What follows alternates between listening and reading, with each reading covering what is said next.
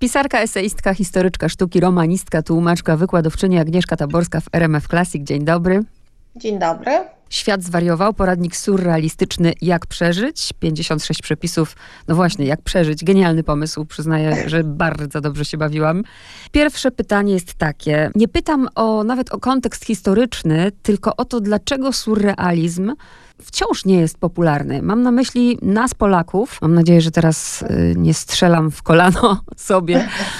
Ale mam takie wrażenie, że my bierzemy wszystko niesłychanie serio. No właśnie, ja o tym pisałam y, kilkakrotnie, zadając sobie to pytanie i jednocześnie nie znajdując odpowiedzi, tylko sugerując pewne, pewne odpowiedzi. Rzeczywiście, o ile na przykład w sąsiednich Czechach surrealizm był i jest niesłychanie ciekawy i, i aktywny, w Polsce y, oprócz grupy y, rakowskiej, oprócz tego środowiska w Lwowie w czasach międzywojennych, surrealizm zaistniał głównie jako styl osobny, to znaczy artyści i artystki działające na własną rękę często y, się w tym stylu, ruchu, nurcie najlepiej czuli.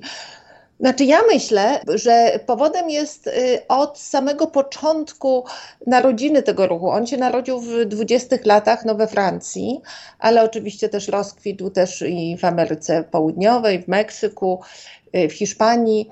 Narodził się jako reakcja na y, pierwszą wojnę, reakcja na te instytucje europejskie, które za tą wojną były odpowiedzialne, czyli między innymi bardzo był buntowniczy wobec idei państwa. No a Polska w 18 roku oczywiście niepodległość odzyskała, więc nie był to moment na buntowanie się przeciwko idei czy państwa, czy nawet kościoła, no bo kościół tą polskość, prawda, wtedy przechowywał.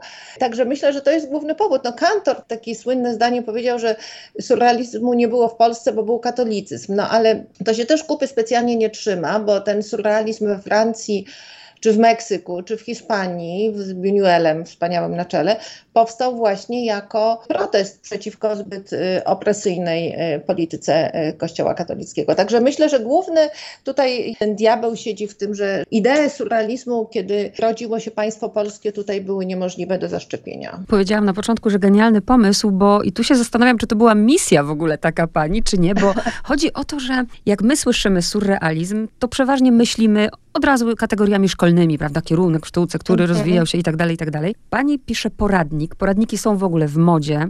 Wymyśliła pani poradnik, który jednocześnie jest kompendium wiedzy właśnie o literaturze, o, malarstwie, o malarstwie mhm. o surrealizmie, ubrany mhm. w lekką formę i jednocześnie właśnie w tej lekkiej formie sprzedaje pani tę wiedzę o surrealizmie. Taki był, taki był plan? No był taki trochę plan. Jak to jeden z czytelników y, mi napisał, że jest to poradnik i podręcznik. No bo rzeczywiście jest to taka też encyklopedia wiedzy wiedzy o surrealizmie na bardzo wielu polach, literaturze, sztuce, kinie, filozofii, no i życiu. Także y, ten, geneza tej książki się wywodzi z, film, z festiwalu Konrada w Krakowie, gdzie Grzegorz Jankowicz, jeden z dwóch dyrektorów festiwalu, zaprosił mnie kilka lat temu do napisania takiego podręcznika technik surrealistycznych do ich katalogu, kiedy on jeszcze wychodził w formie książkowej.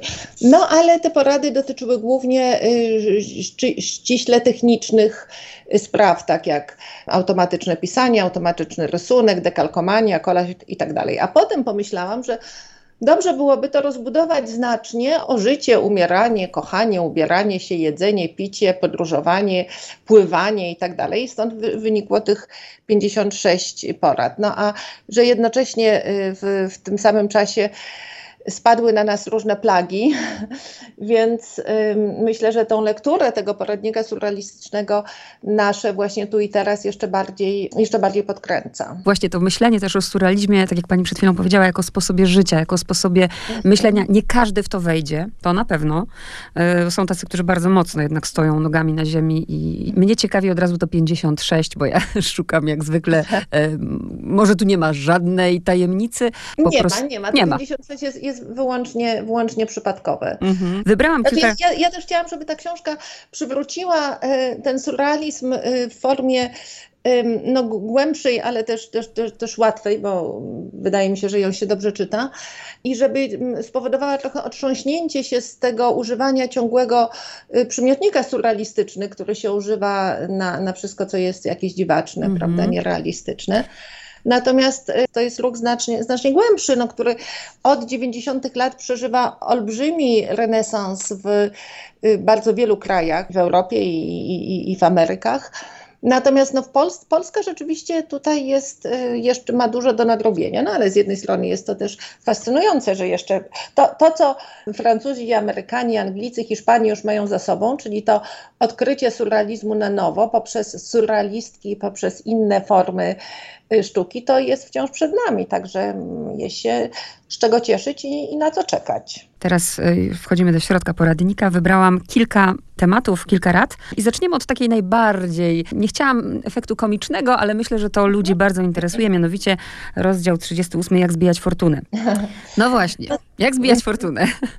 No właśnie, ja tutaj radzę, żeby tego nie robić, jeśli się da, ponieważ surrealiści byli ludźmi no bardzo tak stricte się trzymającymi swoich, tego w co wierzyli. No tutaj wyjątkiem był Dali i stąd Breton, czyli no, guru surrealistów, nazywał go kpiarsko Avida Dolares, co było anagramem jego imienia i nazwiska, czyli chciwy dolarów. No i myślę, że lepiej, no zawsze lepiej w y, przyjacielskich kontaktach jakoś starać się y, fortuny nie zbijać, a przynajmniej nie y, kosztem właśnie przyjaciół, kiedy to Buñuel przyjechał w czasie, w czasie wojny do Nowego Jorku kompletnie z rodziną i bez, bez grosza, a Dali powiedział mu, że, że się przyjaciołom nie pożycza tam 50 dolarów na, na, na zapłacenie za wynajęcie mieszkania. Ale y, to jest oczywiście to, co mnie, znaczy mnie w surrealizmie bardzo wiele rzeczy fascynuje, między innymi to, jak tu się mm, wszystko plecie w tych historiach y, anegdotycznych, a także w jaki sposób teraz surrealizm się paradoksalnie od, odrodził no właśnie w, w, w, tym, czego surrealiści nie znosili, czyli w reklamie, w mhm. wideoklipach, w tym całym y, biznesie starającym się no, sprzedać produkt, co oczywiście ta estetyka surrealistów bardzo sprzyja, sprzyja y, reklamie, bo i tacy ludzie jak Man Ray i, i Magritte Dali w reklamach brali udział, ale też sposób pokazywania surrealistycznych przedmiotów w taki sposób, w jaki to się właśnie dzieje w surrealistycznym malarstwie czy, czy fotografii, czyli pokazywanie no wiem, zdjęcia klucza w rajogramach Manareya w taki sposób, jak w tradycyjnym malarstwie się malowało postać czy twarz świętej czy świętego, czy, czy, czy twarz ludzką. Tutaj ta cała uwaga idzie w kierunku rzeczy. No i to się też dzieje właśnie w, w reklamie, w mhm. wideoklipach. No ja uważam, że to, to jest temat absolutnie na, na, na, na dziś i absolutnie fascynujący, no ale oczywiście te pieniądze, które tutaj pani przywołała, bardzo ważną część tej rozmowy stanowią. Ale też to, o czym pani powiedziała, jaki paradoks, że tak naprawdę mhm. ludzie wolą rzeczywistość, ludzie boją się surrealizmu, a tak naprawdę w nim żyją, kąpią no absolutnie, się. bo tak. wystarczy się przyjrzeć i wystawom sklepowym, tak. i y, właśnie wideoklipom, i oglądamy ja, jakiś filmik, gdzie widzimy, jak mm, dziewczyna biegnie po plaży, nie zostawia śladu, włosy jej porusza racjonalnych po, po, podmuch wiatru. Okazuje się, że jest to reklama szamponu, ta reklama przemawia językiem surrealistycznym, który właśnie wprowadzał y, Buñuel w swoich wczesnych filmach, jak Pies Andaluzyjski czy, czy Złoty Wiek. Czyli surrealiści się całe życie przeciwstawiając właśnie tej komercjalizacji świata, jednocześnie otworzyli drogę do, no, dla producentów reklam, którzy już niewiele muszą wymyślać, bo wystarczy, że cytują z tego słownika właśnie dziwności. Zresztą to wystarczy m, mm, też pójść do muzeów Dalego w Katalonii, gdzie, gdzie są tłumy nie, nie, nieprzebrane, i to nie są takie tłumy, jakie byśmy widzieli nie wiem, na jakichś tam wystawach awangardy, kubizmu, futuryzmu.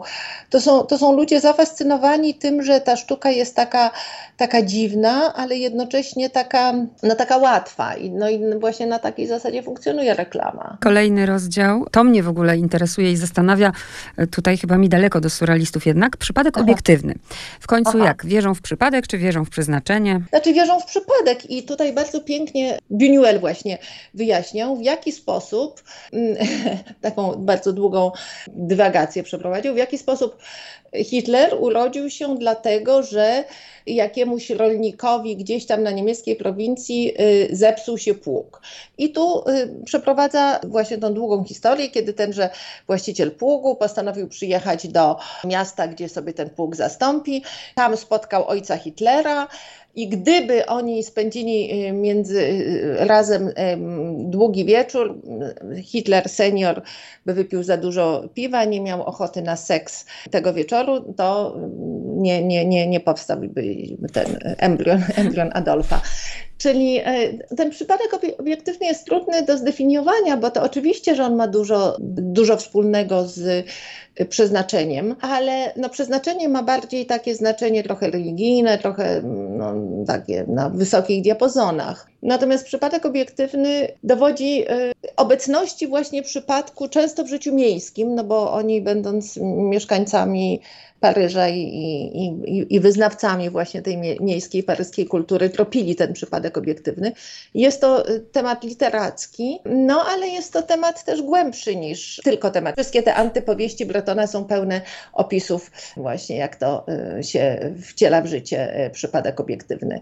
Ja myślę, że my wszyscy w jakiś tam sposób tak, takie przykłady przypadków w naszym życiu oczywiście możemy przywoływać. Ja nawet swój pierwszy zbiorek opowiadań zatytułowałam właśnie Wielorób, czyli przypadek mhm. obiektywny, bo te moje opowiadania właśnie te, też dotyczą często roli przypadków w moim już absolutnie prawdziwym, nie, nie, niepodróżowanym życiu. No w zależności właśnie jak interpretujemy. Tutaj jest to zdanie, wspomniała mi się tutaj, nasze narodziny wywołane przypadkowym spotkaniem jajeczka z plemnikiem są całkowicie losowe. I przypomina mi się tekst Marii Czubaszek, która patrząc mhm. na jakiegoś polityka mówi, serio? Ten plemnik wygrał? No, no właśnie, właśnie, właśnie. Świetne, naprawdę. Te narodziny Hitlera to jest do, do, tak. właśnie to samo. Zanim przejdziemy do kolejnego rozdziału, czy jest coś mhm. takiego u surrealistów, no bo pani jest ekspertką, fachowcem, zakochaną w surrealizmie osobą, ale czy jest coś takiego, co pani tam nie pasuje? Zgrzyta. Znaczy, oczywiście zgrzyta mi stosunek do kobiet, no tylko jak tutaj już też kilkakrotnie mówiłam, ja mam całkowitą świadomość tej perspektywy historycznej, o której już się boję y, wspominać studentom, bo oni mają właśnie perspektywy historycznej po uszy i, i nie, nie, przyjmują jej do wiadomości. Natomiast no oczywiście, i to jest też naturalne, no, że my z punktu widzenia osób żyjących w dwudziestych latach XXI wieku z trudem y, patrzymy się y, wstecz, porzucając tą dzisiejszą perspektywę. I oczywiście, że dla nas y, wielu z tych surrealistów jest absolutnie dziadersami, ale no, trzeba pamiętać, że wtedy wszystkie te grupy artystyczne to były kluby dżentelmenów. Ten mizoginizm był, królował.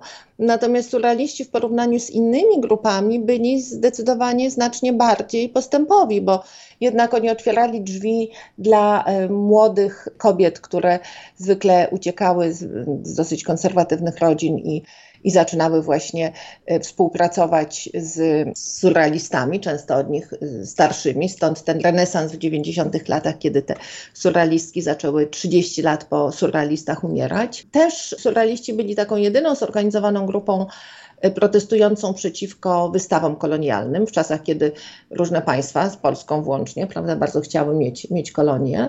Oni przewracali jednak do góry nogami mnóstwo stereotypów właśnie spojrzenia na pewne zawody, zawody policjanta, księdza, polityka.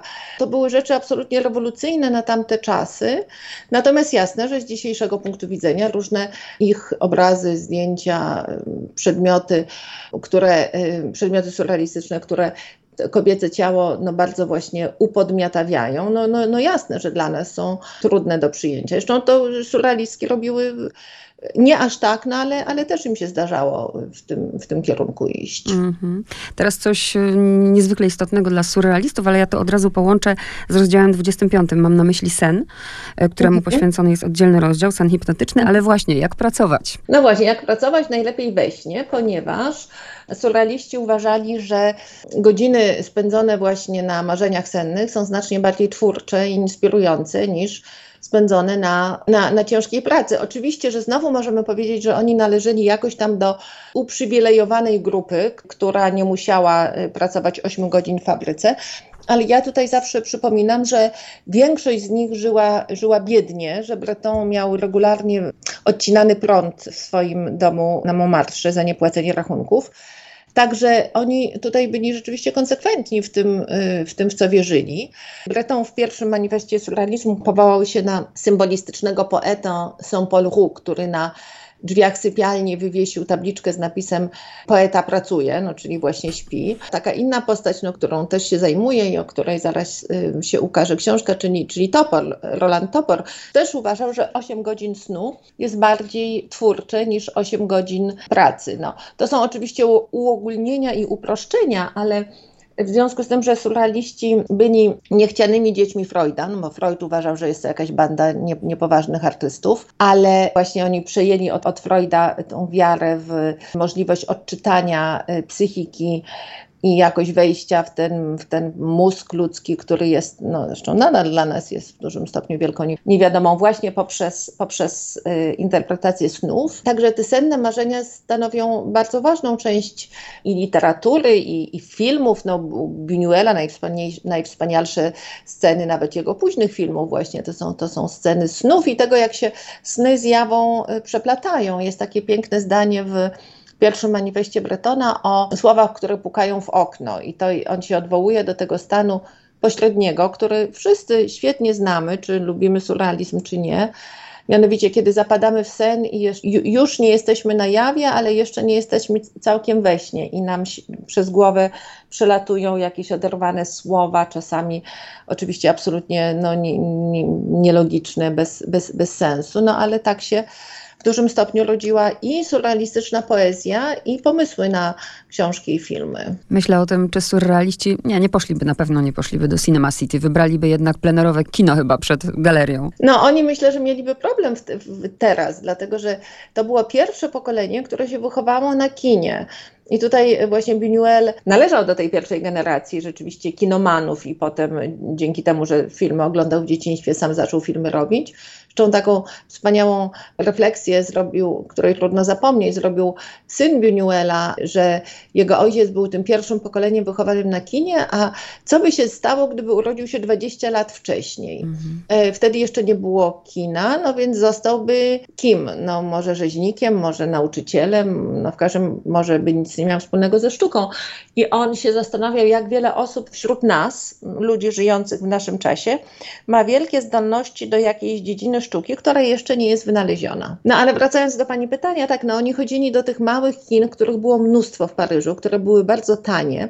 Jasne, że były też droższe i elegantsze na bardzo zamerykanizowanym Montparnasse, gdzie były wspaniałe sale Art Deco, ale oni woleli takie popularne, robotnicze kina w tej dzielnicy prostytucji, gdzie, gdzie Breton mieszkał właśnie na, na mm, Montmartre.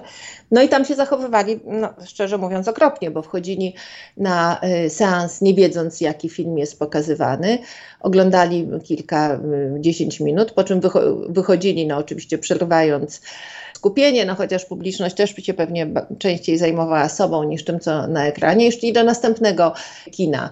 I to było dla nich no nie tyle oczywiście taka praktyka nie służyła analizie dzieł filmowych, tylko pobudzeniu jakiegoś strumienia właśnie skojarzeń, inspiracji, no, snu na jawie. Ja kiedy czytałam tę książkę, w ogóle mam wrażenie, że się pani świetnie przy tym bawiła, bo to się czuje. Jeśli ja jako czytelniczka świetnie się przy tym bawię, to od razu czuję, że ktoś, e, ktoś to kocha. Który mhm. rozdział był dla pani taki, taki najtrudniejszy? To trudno powiedzieć. Ona, ym, ja owszem, świetnie się bawiłam, ale też bardzo dużo pracowałam, mm -hmm. bo ja ją mhm. pisałam przez dobrych kilka lat. Tu jest jednak mnóstwo, mnóstwo y, Wiedzy, tak. informacji. Tak, tak. I tą, te, te, te wydarzenia, które opisywałam, też wybierałam pod kątem, żeby one były jakoś tam inne od takiego tradycyjnego podręcznika surrealizmu, na których moje pokolenie na przykład mm -hmm. wychowywało. Także, także no, bawiłam się studiując i dużo, dużo też oczywiście obcinając potem. Może, może naj, taki rozdział, który rzeczywiście y, najwięcej y, wymagał szczegółowego badania, to był ten rozdział Jak mieszkać, bo ja tutaj opisywałam mieszkania wielu osób i we Francji, i w Meksyku.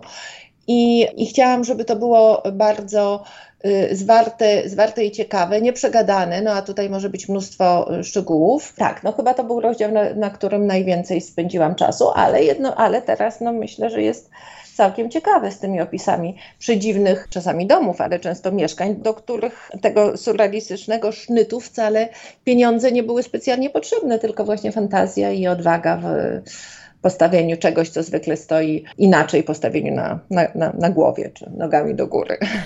I jeszcze wracając do tego, że mamy tutaj ten opis książka dla artystów, studentów szkół artystycznych, mhm. ja bym dodała jeszcze, i tu się zwracam teraz bezpośrednio do nauczycieli, żeby korzystali z tej książki w szkole średniej. I myślę, że to jest szansa właśnie dla młodych ludzi, żeby już na tym etapie się zakochać. Myśl, no, myślę, że tak.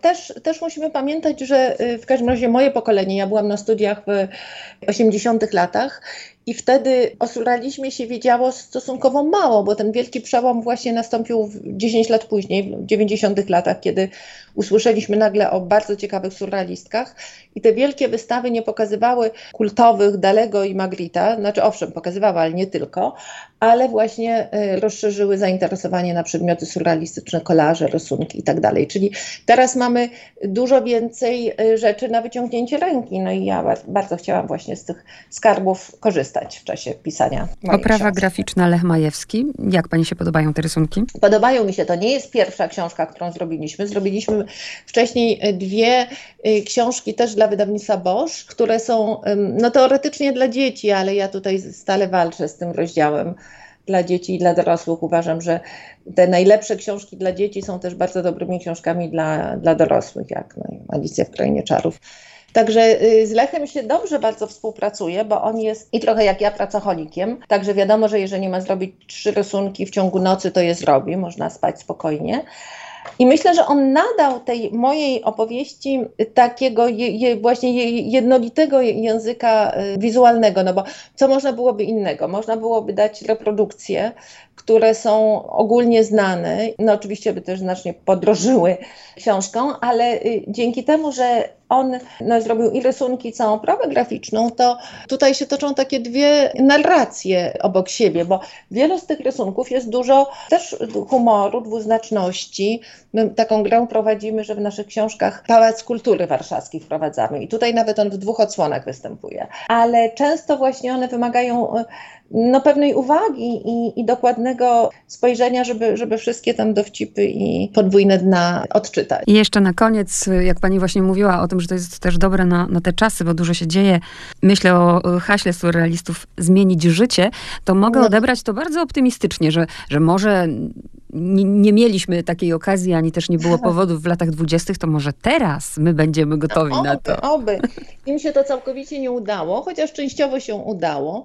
No a fakt, że tak moja książka i inne książki powstają i, i nadal o nich rozmawiamy w znacznie większym stopniu niż się rozmawia o innych awangardowych ugrupowaniach, znaczy jednak, że oni bardzo podkopali te stare mury, które widzieli, że już czas, żeby one przestały grodzić. Także je, jest nadzieja. Myślę, że, że, że na, na, pewno jest nadzieja. I tym optymistycznym akcentem dziękuję. Agnieszka Daborska była moją gościnią. Dziękuję bardzo.